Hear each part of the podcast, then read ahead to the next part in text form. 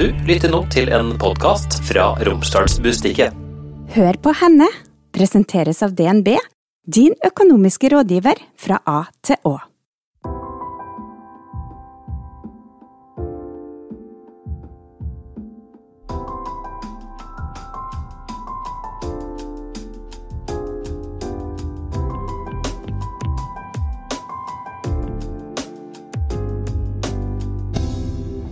Malene Pedersen, velkommen til Hør på henne. Takk skal du ha.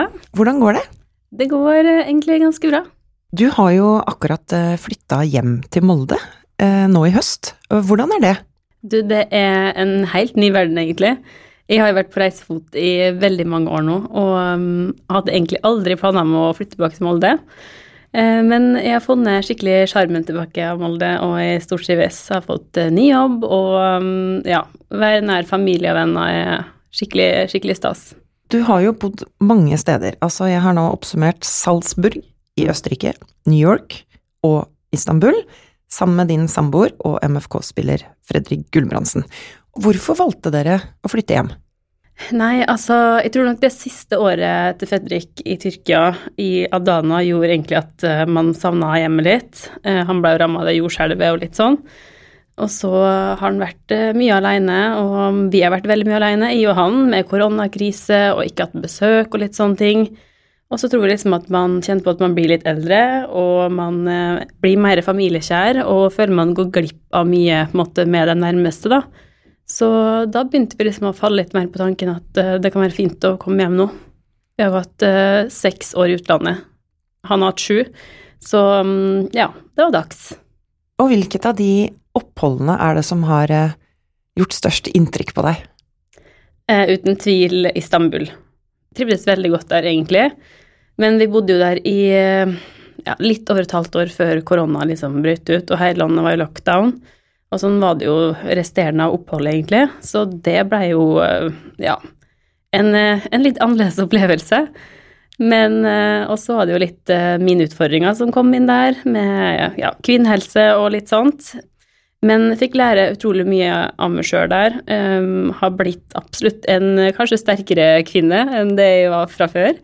Så um, nei, jeg, jeg, likte det på godt og vondt, uh, egentlig. Men Salzburg var veldig sånn koselig sted og trygt og litt sånn likt her, da. Så jeg fikk utfordre meg sjøl mer i, i, Tyrkia, faktisk. Vi har jo lest noen saker om eh, det store fotballeventyret deres i Tyrkia, og eh, i noen saker så kommer det jo fram at dere fikk ganske mye oppmerksomhet. Altså det var eh, litt sånne Beckhams-tendenser? Jeg har ikke det inntrykket sjøl, egentlig. Det er jo altså tyrkisk media. Det er ganske sånn blusse opp eh, alt. Um, så jeg har ikke noe Det var ikke så glamorøst eller så liksom intenst som det kanskje virka. Um, men eh, det er en helt annen fotballkultur der, og det er liksom eh, Fotballspillere er de store heltene. Så det blir jo litt oppmerksomhet, men um, ja. Det, jeg vil ikke sammenligne oss med noe Beckhams, det vil jeg ikke gjøre. Altså, du blir jo en del alene eh, ja. i et stort hus. Kan det være ensomt? Absolutt. Eh, det får man kjenne på. Jeg har egentlig vært en person som alltid har elska å være supersosial.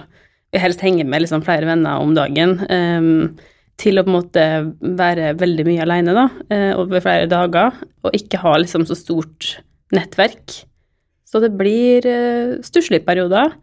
Man, man, finner ut av det òg, og for min del så er det veldig viktig å kunne ha Sånn som eh, den jobben jeg har hatt alltid på sida med liksom med å være ja, hatt ordet, men eh, influenserbransjen, på en måte, da. At du kan liksom ta med jobben overalt. Og så har det å holde seg på en måte aktiv, finne sporter. Altså, jeg begynte jo med kickboksing og tennis og liksom passe på å fylle dagene med ikke sitte og vente på Fredrik. Det har vært veldig viktig for meg å skape min egen liksom, hverdag og at vi har to separate liv også. Um, så nå er jeg veldig sånn at jeg liker å være mitt eget selskap, så det har forma meg absolutt. Hvordan er det egentlig når bostedet ditt avhenger av hvor eh, din kjæreste får jobb? Nei, det, det, er veldig rart. Og det er liksom sånn, når jeg hører du sier det, så tenker jeg sånn Herlighet, har jeg bare føyd meg etter, på en måte? Men man er et team. Eh, man finner ut at man vil satse på hverandre og bygge hverandre opp. Og han er like mye hei på meg som jeg heier på han. Og så er I og Fredrik veldig rastløse. Vi er spontane, vi er unge, så vi har egentlig likt liksom å flytte på oss, og jeg er litt sånn som har syntes det har vært gøy å prøve nye ting. Det har egentlig vært uh, spennende, fint, og jeg ville aldri vært foruten det. Jeg tror at hvis jeg hadde bodd her i Molde i, ja, frem til nå, så hadde jeg ikke lært så mye som jeg har gjort, da. Jeg leser at du ikke er noe særlig glad i begrepet fotballfrue. Stemmer det? Nei, det gjør ikke. Um, altså, det er jo litt den der noe voksne folk har lyst til å putte det i, kanskje, da, men jeg skjønner jo at man bruker det, på en måte, og jeg ler på en måte litt av det. Man må ta det litt med et smil og med humor, på en måte, men uh, det er ikke sånn at jeg er en uh, identifiserer meg som en fotballfrue eller dama til Fredrik. Det Men er det sånn at det er litt uh, sånn fotballfruemiljø? Nå brukte jeg det, da, så beklager ja. det. Nei, det Men kjenner dere hverandre? Altså finner dere på ting sammen? Det har også vært veldig forskjellig fra eh, sted til sted. I Salzburg så var det um, mer på min alder, og da er det mer naturlig å henge sammen. Vi flytta jo dit når jeg var 19, eh, så det var liksom litt jevnaldra faktisk med meg, og da ble jeg invitert inn i gjengen der, og var mye sosialt. Vi reiste sammen på kamper, og det var kjempefint, egentlig. Så når vi flytta til Tyrkia, eh, så var det noe helt annet. Det var et helt annet på en måte også Der følte jeg at kanskje synet på ja, fotballfruene var noe helt annerledes. Det var litt mer kobla opp mot kanskje penger, status, litt sånne ting, og det var litt sånn um, folk som var litt eldre enn meg, så det var ofte damer med ja, tre barn og liksom veldig godt Det var helt andre rutiner da, enn det, det jeg hadde, så det var litt vanskelig å komme seg inn. Og så var det veldig forskjellige nasjonaliteter, som jeg syns er veldig spennende. Men det var ikke så lett med språk, egentlig. Det var folk som var dårlige med engelsk, så vi møtte vel kanskje én, ei jente der um, som jeg var nabo med, som vi fikk litt kontakt med helt på slutten, da. Men ellers så var det lite i, um, i fotballmiljøet i utlandet, um, eller i, i Tyrkia. Men her i Molde, det er kjempebra. Jeg har jo mine beste venninner som jeg har møtt her i Molde før vi dro til utlandet, eh, som er her nå òg, og møtt mange fine nye folk, så det kan være både òg. Du har jo også en karriere som uh, influenser, som du var inne på. Og uh, den kombinasjonen av å være influenser og fotballfrue, kan det føre til uh, noen fordommer hos folk? Ja, absolutt. Dessverre. så får man mye på en måte ja, anklagelser eller rykter, eller um, man blir satt i den boksen, da. Så det er liksom det jeg prøver å kanskje også vise litt av hverdagen min, at jeg prøver å komme litt ut fra. Fått mye pepper òg. Man får pepper fordi at man viser kjæresten for mye, og at um, det er fokus på han, og sånn du får følgerne dine, og litt sånn. Og så har man gjort helt motsatt taktikk og bare ikke vist fjeset hans i det hele tatt. Litt for at jeg vil bygge opp min egen karriere, jeg vil ikke at det skal være rundt han, eller jeg skal være dama til, eller fotballfrua. Og da får man meninger om det òg, ikke sant. At man eh, melker liksom at man er singel, da, og så Altså, jeg er jo åpenbart ikke det. Eh, men har han, og han bare finansierer alt for meg, og altså sånn det Hva svarer du på sånt når du får den? Nei, um, at han betaler ja. for, for, deg, på en måte? Nei, jeg svarer selvfølgelig at det ikke er så enkelt uh, som det i det hele tatt, og prøver å utdype det. Um, og så er det litt sånn at man kan ikke vinne alle kamper. Man kan ikke få alt til å uh, måtte mene det samme som det jeg gjør, og skjønne det jeg skjønner. Så veldig ofte så bruker jeg bare ikke energien min på det og tenker at dere får tro det dere tror. Men det her er med, og hvis du følger med, så følger du med, og hvis de, ja, ikke, så bare la være. Hva betyr penger og fine ting i livet ditt? Det har jo egentlig ingen på en måte bety... Altså sånn, eller det er veldig enkelt å si at det har ingen betydning. Vi har vært heldige som har kunnet unna oss fine ting. Det ser jeg også på nå at det er ikke det som gjør at man blir glad, eller altså det har I det store så har det ikke noe betydning sånn sett. Å ha den friheten er kanskje veldig behagelig, da, det må man jo si. Um, og at man um, kanskje får flere multer og det hele sånn, men nei, jeg, jeg, ser ikke på det som en, en viktig ting, nei. Du nevnte jo rykter i stad. Altså, hva, kan du gi et eksempel på et uh, vanvittig rykte som uh, ja, altså det, noen har sagt om deg? Ja, um, Nei, det er kanskje den der nå jeg fikk høre Jeg er jo ikke på Jodel eller noen sånne ting, men eh, av og til så har jeg fått litt sånn beskjed om at fy søren, Malene, det her sto liksom. At, eh, for jeg var jo Når Fredrik bodde i Adana i et år nå, i Tyrkia, så bodde ikke jeg og han sammen måtte fast. Og som jeg sa, så har jeg prøvd å måtte heller eh, holde litt min sosiale medier for meg sjøl, og også i hensyn av Fredrik. Så da var det veldig sånn at eh, Malene går rundt nå liksom og bruker bare pengene til Fredrik og bor i Oslo i den fine leiligheta si og later som at hun er singel, da. Eh, og liksom holder på med masse andre folk og altså sånn, sånne ting som bare helt, ja, dratt ut av eh, proporsjoner, holdt jeg på å si. Så Sånne ting er det jo, at jeg har hunta Fredrik fra jeg var liksom altså kjempeung. Altså, jeg møtte Fredrik når jeg var 17 år, så vet jeg ikke hvor ung jeg kunne ha vært, men at jeg liksom har liksom hunta han, og det kan jeg bare si noe, det er så feil. Fordi mamma jobba i MFK da jeg var liten, så vi hadde sesongkort og dro um, på kamp. Eneste grunn til at de var på kamp, var for da fikk jeg vafler og is. Jubla når de gule skårte mål, for det var bare gøy mål. Jeg visste jo ikke at Molde var blå. Altså, jeg, har aldri vært fotballinteressert. Så når jeg møtte Fredrik, så ante jeg ikke at han spilte fotball i det hele tatt. Men tenk at dere møttes når du var 17, og det er ti år siden. Det ti år siden, ja. Hvordan, eh, hvordan møtte du Fredrik, egentlig?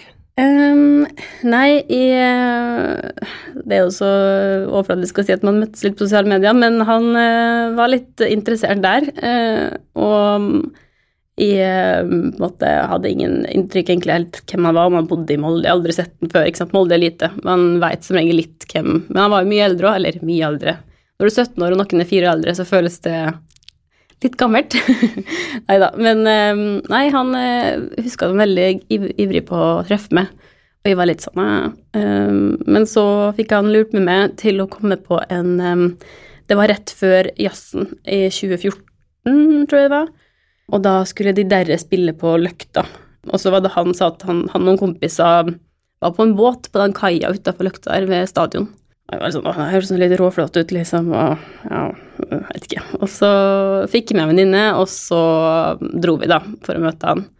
Vi møttes der, og det var faktisk eh, sånn kjærlighet ved første blikk. Vi var veldig sånn trygge hverandre fra første stund. Men husk at jeg satt på den båten, og liksom, det var ganske mye folket der og sånn, og så tenkte jeg bare sånn Eneste personen jeg veit som spiller på Molde, det er Daniel Berg Hestad. Og han var der. Jeg tenkte bare hvorfor i alle dager er han her? Altså, det er jo helt Altså, skjønte ingenting. Så du ante ikke at han var fotballspiller? Nei, nei, og det var jo hele Hele gjengen var jo der. Men jeg visste jo ikke hvem noen av dem var. Um, men ja, det var veldig, det var veldig fint. Uh, og etter det så fortsatte vi bare møtet, så Eh, Fredrik behandla meg veldig, veldig bra. Han var veldig god gutt. Så jeg husker at jeg sa til meg sjøl sånn Det er litt for godt til å være sant, så nå bare venter jeg på at han liksom skal ja, dumpe meg, eller eh, på en måte Ja. Så han, eh, han så snill og god igjen ennå. Så det er nok derfor vi har holdt ut så lenge og still going strong.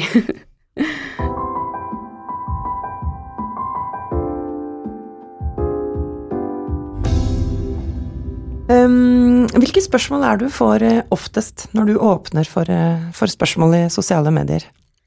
Uh, det er mye om PSOS. Folk sliter litt med å henge med på den bosituasjonen min, for jeg flytter jo støtt og stadig. Og så er det selvfølgelig mange som er nysgjerrig på økonomi. Men ja, det er sikkert det som går mest opp. Kvinnehelse, PSOS, bosted, flytting og økonomi. Og økonomi, da handler det om? Ja, min personlige økonomi, Fredrik sin økonomi. Uh, ja, ikke sant. Hvorfor er folk så interessert i det? Ja, det lurer jeg på. Jeg vet ikke, men uh, det, er, uh, det, holder jeg for meg sjøl. men altså fra å dele mye innlegg om trening og sminke, innkjøp og hverdagsliv, så kom det et innlegg på Instagram i 2021 som skilte seg veldig ut. Mm. Der lå du på, på sjukehus. Mm. Eh, og du var i Tyrkia, og hva var det som hadde skjedd da? Det var jo i Tyrkia på en måte jeg begynte å bli kjent med kroppen min, holdt jeg på å si. Da jeg lå på det sykehuset, så var det fordi at jeg hadde um, hatt eggstokkvridning for første, første, gang.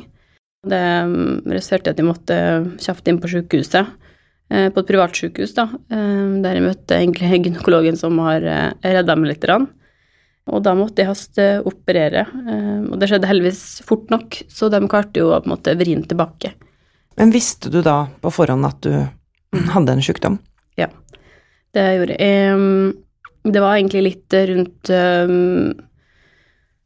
når korona kom og sånt, så husker jeg at de slutta på p-piller. Eh, litt sånn for å se hvordan det var å være uten det, og man hører jo både for og mot.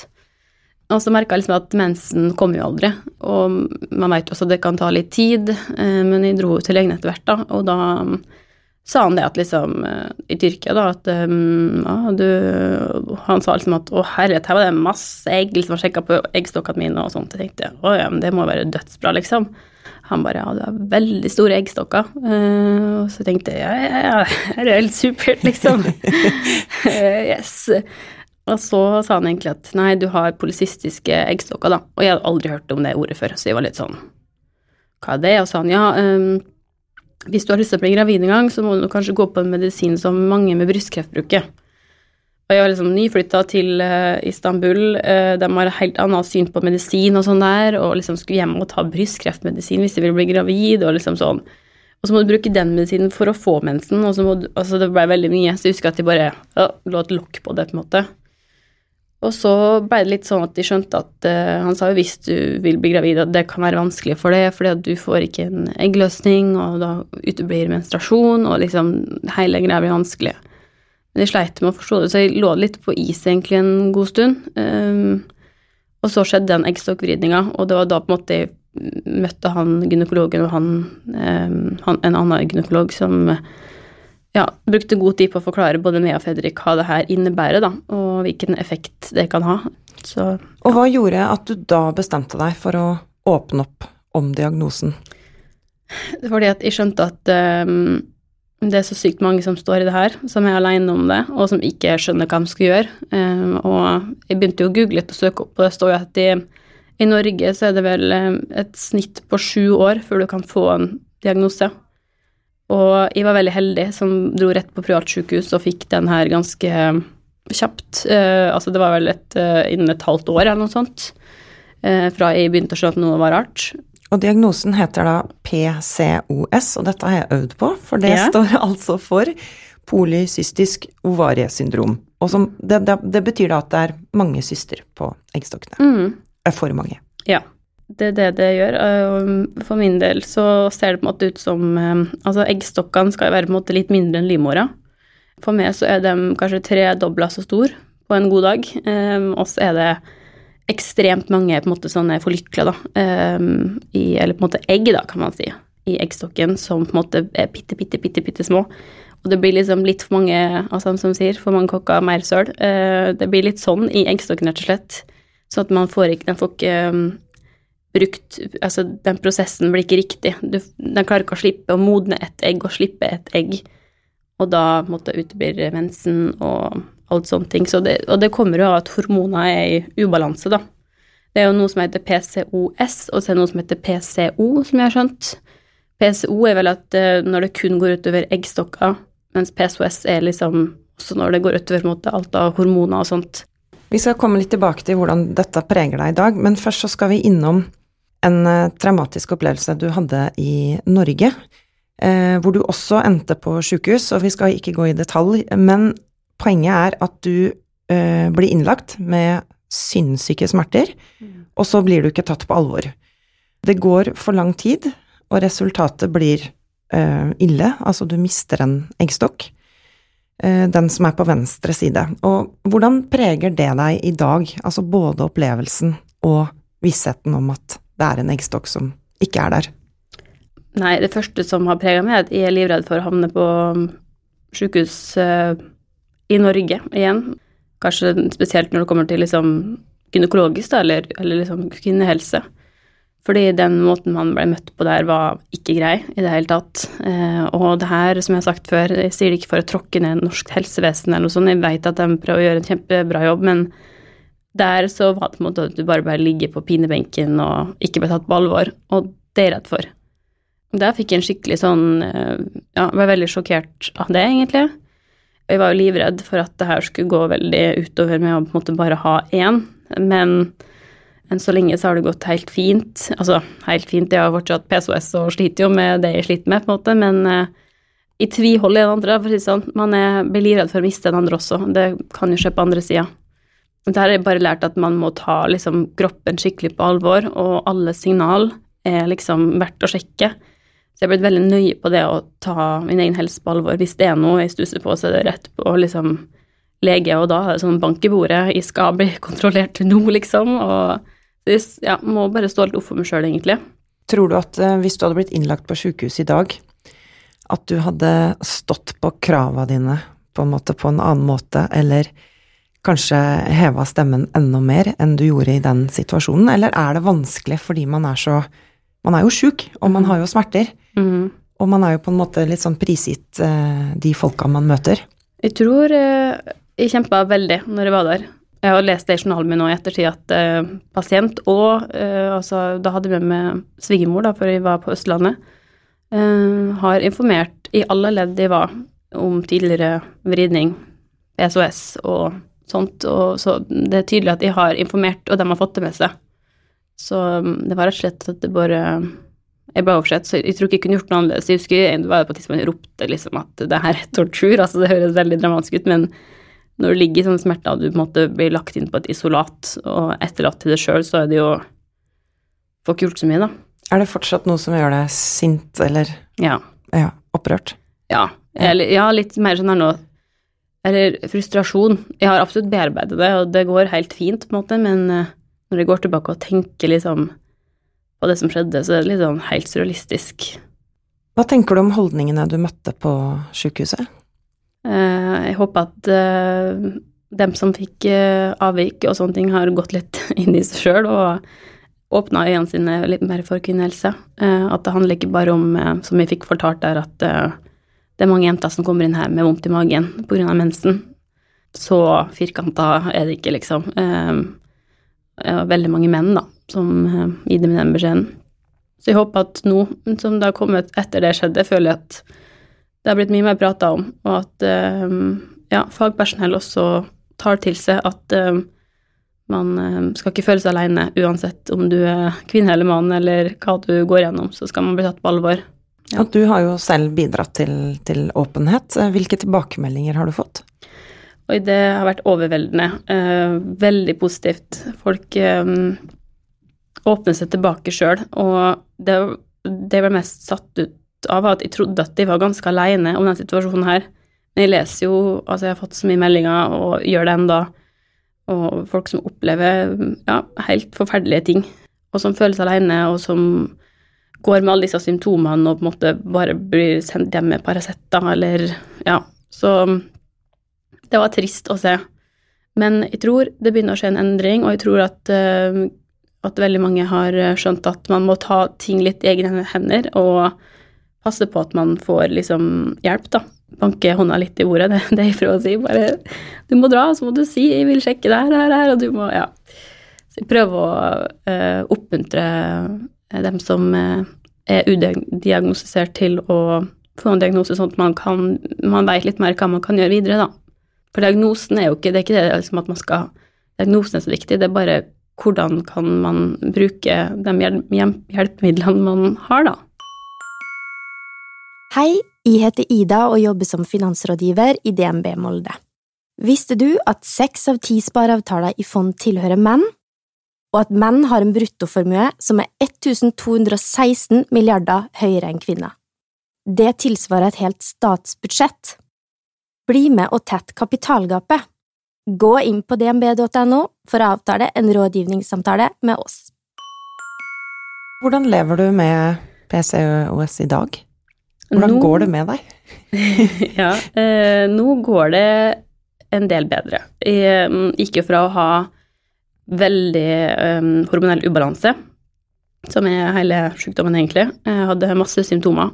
Akne, hårtap, um, ja, alt, alt mulig egentlig. Og så skjønte jeg at eh, jeg får ikke gjort noe med eggstokkene mine. De er nok som de er. Um, men man kan gjøre veldig mye for å få det bedre med symptomer. Så jeg har eh, gått til um, hormonspesialist. Det du sa veldig fint i stad, det ordet. Jeg klarer ikke å uttale det. Da tror jeg vi var En- inne på endokrinolog. Ja. Jeg dro til en sånn en. og da sjekka hun alle hormonene mine, og jeg har fulgt opp det. Så så jeg hvor jeg var i ubalanse, og så har jeg rett og slett gjort min egen research. Hva kan man gjøre for å stabilisere? Og for min del så har det vært det å roe ned. Jeg har nok jeg har blitt fortalt at jeg har hatt litt flink pikesyndrom, som også nok eh, mest sannsynlig har utløst min PSOS, for det er ikke noe arvelig i min eh, familie der. Så det å stresse ned, trene litt mindre, trene litt roligere Aktivitet er kjempeviktig, men du skal ikke liksom gønne på hver eneste dag, faste fasta på tom mage med bare svart kaffe og kjøre liksom full boksetrening, skjønner du. Så jeg var veldig streng med meg sjøl på trening og kanskje på mat, litt for lenge. Så nå har jeg liksom trappa ned det, fortsatt aktiv, men gjør kanskje også litt roligere ting, mer pilates, Passer på å få i meg nok mat. Det har gjort altså enorm endring. Um, nå er alle hormonene mine i balanse. Det å bare roe ned, lytte mer på kroppen, ikke stresse seg sjøl for mye. Stress, ikke minst. Uh, Hva er det som skaper alt det stresset? Nei, jeg tror det er bare at jeg føler at jeg må Eller for min del så har det vært det at jeg må levere, jeg må prestere hele tida. Dine egne forventninger ja, til deg selv? Veldig forventninger til meg sjøl. Når jeg skjønte at eh, sånn går det ikke an å holde på, for da går du på veggen, og det kan gå utover hele kroppen din. Det gikk utover også sånn mage, sånne ting. Så når jeg roa ned, så har jeg fått hormonene mine i balanse. Jeg har fortsatt polisistiske eggstokker, eh, som jeg tror jeg er litt stuck med, men eh, jeg har ikke hårdt opp lenger. Jeg har ikke disse vonde, store kvisene, og jeg har det mye bedre mentalt, da. Eh, For det er også noe som påvirker. Veldig sånn angst og depresjon kan fort komme inn, da. Så jeg har det mye bedre med meg sjøl, og jeg har lært så mye, så det er fint. Mm. Og kanskje kan det hjelpe andre, eller også gi håp om at det går an å leve Mm. med sykdommen. Absolutt. Dette er jo et litt sårbart tema som man overhodet ikke skal buse ut med, så derfor har jeg spurt deg på forhånd om det er greit å snakke om, og det Mhm. Sa du ja til. Eh, Hvordan er det å få barn med, med din diagnose? Det kan være en del mer utfordrende. Det er også litt, varierende fra person til person, men nå har jeg skjønt at det er veldig mange som har utfordring med det å kunne bli gravid. Og det er jo litt pga. det som vi sa i starten, at når du på en måte ikke får menstruasjon eller eggløsning, så da stopper det jo veldig opp der. For I og Fredrik sin del så har vi alltid hatt lyst på barn, men vi hadde ikke for ja, fire år siden eh, det behovet da. Men når du får beskjed om at eh, du kan ikke få det, så vil du ha det. Det er litt sånn. Eh, som å si til en unge at eh, du får sjokolade, da har han veldig lyst på sjokolade. så vi satt eh, etter den eggstokkridninga satt vi tiltak til å prøve å få det til. Så jeg har gått på alle mulige hormontabletter, også den som var for brystkreftpasienter. Så man må først gå på noe medisin som gjør at de får mensen. Jeg får som regel ikke mensen sjøl i det hele tatt, Um, så du må trigge en menstruasjon. Og så må du da trigge en eggløsning for å se om du kan få til måte sjøl uten noe IVF, altså prøverøre eller noe sånt, da. Det prøvde vi mange, mange runder av, og det funka ikke på meg. Men det har også noe med at eh, den slimhinna må være tjukk nok. Det, da ble den bare tynnere og tynnere hos meg. Ehm, og så gikk vi inn for å um, prøve IVF, prøverørsbehandling, da. Så mm, det er også med PCOS en utfordring, fordi at uh, man skal prøve å modne et egg. Og på en måte en, hva skal jeg si, en vanlig kvinne Nå gjør jeg det i sånn eh, Hermetegn. Hermetegn. i lufta. Jeg har kanskje 10-15 eh, egg, altså sånn, og jeg har kanskje 60. Så faren der er at du stimulerer ikke bare ett, men du stimulerer mange. Og det skjedde jo litt med meg, at jeg ble overstimulert når du skal da Først skal du jo hente ut egga, bruke sprøyta, gå på disse tablettene og bli helt heks eh, hormonelt. og så, eh, når vi da skulle hente ut eh, egg, fikk henta ut masse, eh, men etter, da, etter det så fikk jeg en sånn overstimulering. Så jeg fikk på en måte sånn vann i hele buken, og eggstokken min vokste på størrelse opp til leveren. Dette høres smertefullt ut. Ja, så det var Ja, jeg ble jo um, eh, ble veldig sjuk etter det. Eh, det ble veldig sånn krisetilstand, egentlig, og var lagt inn på sjukehus og Ja, det var litt sånn litt eh, skummelt en liten periode der. Men jeg fikk kontroll på det, heldigvis, da. Og så er det jo den perioden man skal eh, sette inn. Med ny runde med sprøyter og medisiner og ja, enda mer hormonell heks. Så um, vi prøvde å sette inn, og den, det gikk ikke. Og egentlig etter den opplevelsen så bare var jeg livredd, eh, og har aldri følt meg så fæl i hele mitt liv. jeg har egentlig lovt meg sjøl at jeg vil ikke prøve igjen, fordi jeg syns det var ikke så kjekt. Men igjen, må man, så må man. Så vi har i hvert fall prøvd alt. Eh, men jeg har også tro på at nå begynner kroppen min å få det veldig mye bedre. Jeg har fått litt mer regelmessig menstruasjon fordi at jeg har tatt disse tiltakene, og alle nå hormoner er i balanse. Så jeg tror at nå er det viktig å bare gi kroppen litt tid, og så går det kanskje. Hvordan er det å stå i en sånn prosess? Det høres veldig tøft ut. Eh, ja, det, det er noe hormonene, tror jeg, som er det nesten det verste. At du blir veldig sånn tukla med. Det er overdose av alt, på en måte. Eh, så mentalt var ikke det noe gøy. Det er ikke gøy å se hvordan kroppen forandrer seg rundt det heller. Det var ja, det er mye vann og kiloer og sånn som kommer på. Det går oss veldig bort igjen, men eh, det blir bare mye, rett og slett, å håndtere, og så blir man jo veldig høyt og lavt, og jeg tror det er Det var like vanskelig for Fredrik som det var for meg, eh, fordi det er um, intenst, da. Eh, og man, altså, han blir jo litt hjelpeløs. Det er en tøff ting, men, eh, men jeg har eh, altså Det er stor respekt av dem som gjør det, eh, for man føles veldig aleine. Og det er ikke noe gøy med disse sprøytene, og det er mye, og du stiller spørsmål til ting, og ja, og så skal man takle skuffelsen når mm. det viser seg at det ikke gikk. Det er det. Og finne på en måte kraften til å gå i gang med mm. en runde til. Det er akkurat det. Um, når det på en måte Det er det eneste håpet du har, da. Nå, hvis det her går bra, så er det verdt alt sammen, og så går det ikke, da. Så blir det litt sånn Søren, hva er det hva er det jeg gjør feil? på en måte, Jeg føler jeg prøver å gjøre alt riktig her. Men det skal sies at noen stund siden vi prøvde det, og akkurat da så var livet veldig tøft det var jo det med eggstokk, to eggstokkvridninger, operasjoner, og så er du super Du har det kanskje ikke så veldig bra mentalt, og så er det stresset, alt det der, og så skal du da prøve å øh, gå i gang med IVF. Jeg tror nå i ettertid at jeg ville ha brukt litt mer tid på å lande først, for at jeg har skjønt hvor mye det her stresset påvirker hormoner, og hvor mottagelig man kanskje kan være, da. Men igjen, jeg har lært så mye av det, og um, jeg veit at det ordner seg til slutt. Så um, det blir nok bra. Håpet, det er mm. der. Ja. Hvilket uh, budskap er det aller viktigste for deg når det gjelder uh, kvinnehelse? Nå har du egentlig opplevd to ting mm. som mange andre kvinner opplever også, både PCOS mm. og det at man faktisk må få hjelp til å få barn. Uh, hva er det viktigste budskapet ditt? Jeg tror det er det å på måte ta sin egen kropp uh, på alvor. Um, og ikke være redd for å prate om ting, ikke være redd for å åpne seg opp, selv om det kan virke skummelt. For du, som regel så får du bare ekstremt mye tilbake, og skjønner at du ikke er aleine.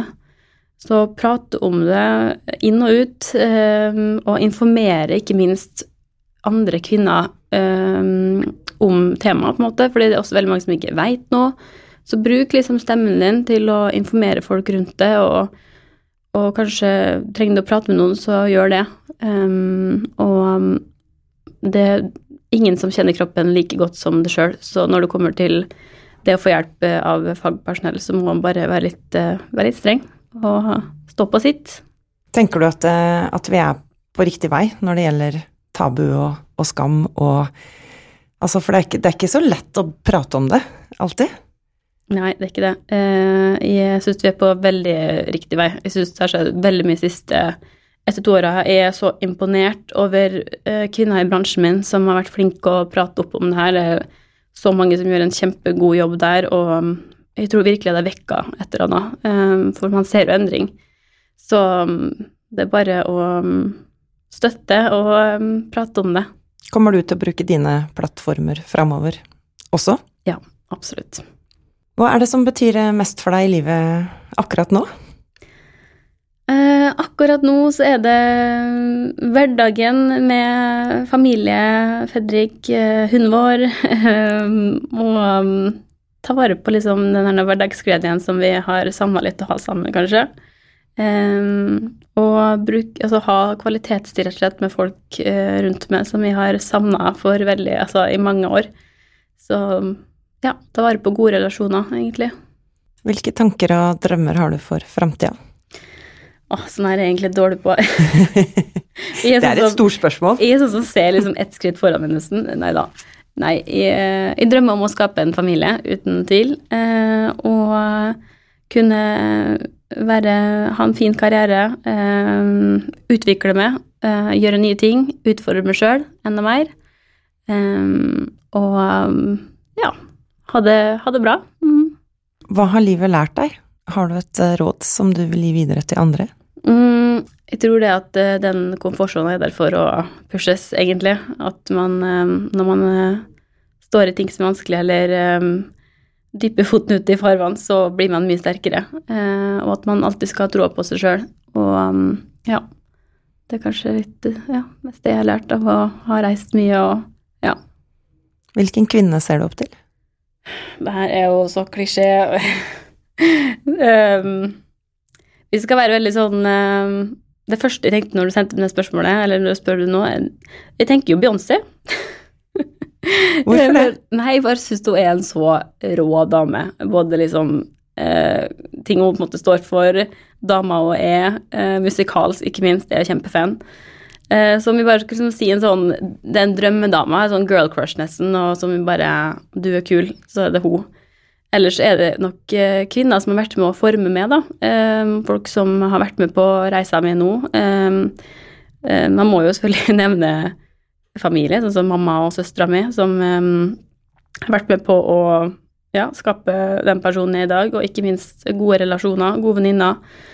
Eh, og som vi sa i stad, flinke folk i, i bransjen min nå som eh, har en viktig stemme, som står opp. Eh, jeg syns vi har så mange bra av dem i Norge, så det er litt eh, Ja, litt, litt av hvert. Marlene Pedersen, tusen takk for at du var gjest i Hør på henne. Tusen takk for at du er her. Hør på henne er laget av Romsdals Bustikke. Produsenter er Stian Viken og Hanne Fleischer. Mitt navn er Vera Henriksen. Har du ris, ros eller innspill til gjester? Send meg en e-post på hennealfakrøll-r-b.no. Følg oss også gjerne på Instagram, så håper jeg vi høres snart. Hør på henne presenteres av DNB, din økonomiske rådgiver fra A til Å.